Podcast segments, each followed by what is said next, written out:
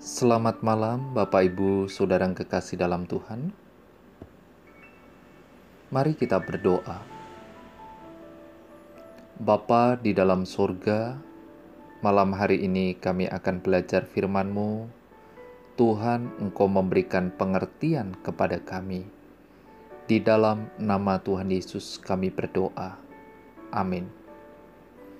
Pernahkah saudara mendengar satu ungkapan, "Mengapa kamu tidak setia?"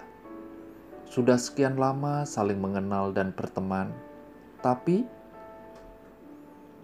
saudara, tema malam hari ini tidak setia. Yakobus 4 ayat yang keempat, Hai kamu, orang-orang yang tidak setia, tidakkah kamu tahu bahwa persahabatan dengan dunia adalah permusuhan dengan Allah. Jadi, barang siapa hendak menjadi sahabat dunia ini, ia menjadikan dirinya musuh Allah.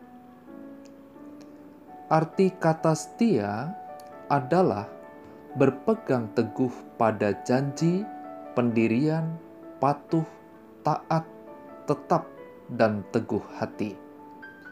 Siapa yang disebut dalam ayat ini orang-orang yang tidak setia?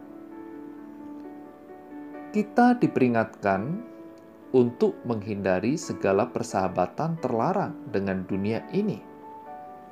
Orang-orang duniawi di sini disebut sebagai orang-orang yang tidak setia.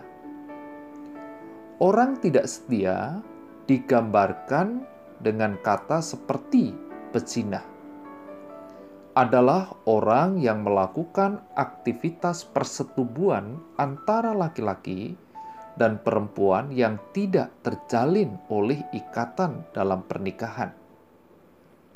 Secara umum, zina bukan hanya ketika manusia sudah melakukan ikatan sensual, namun semua kegiatan sensual yang bisa menodai harga diri manusia terbilang digolongkan zina.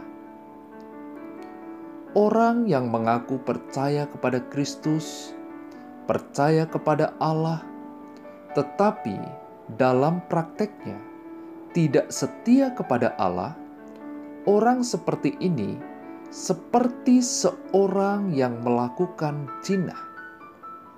Tindakan ini suatu kedurhakaan mereka terhadap Allah karena memberikan perasaan-perasaan terbaik kepada dunia.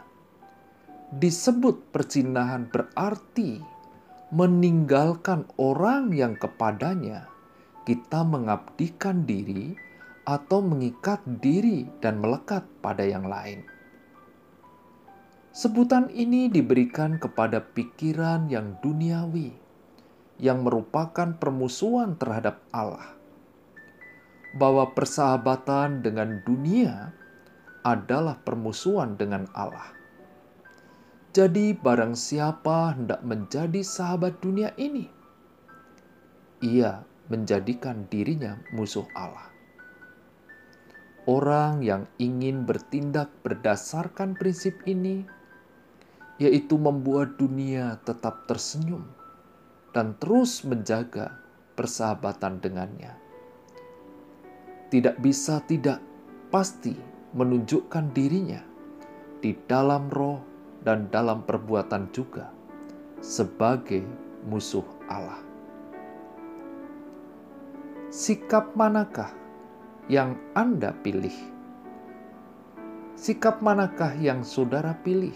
Cinta dunia dengan segala kenikmatan yang ditawarkan, ataukah sikap tegas pada iblis tanpa kompromi. Sikap kedualah sikap seorang sahabat Allah. Mari kita berdoa. Bapa di dalam surga, malam hari ini firman-Mu menyapa kami kembali, supaya hidup kami menjadi sahabat Allah dan tetap setia kepada Allah. Kami bersyukur kepadamu ya Tuhan. Sebentar lagi kami akan beristirahat. Kami terus memohon penyertaan perlindungan dari Tuhan. Di dalam nama Tuhan Yesus, kami berdoa. Amin.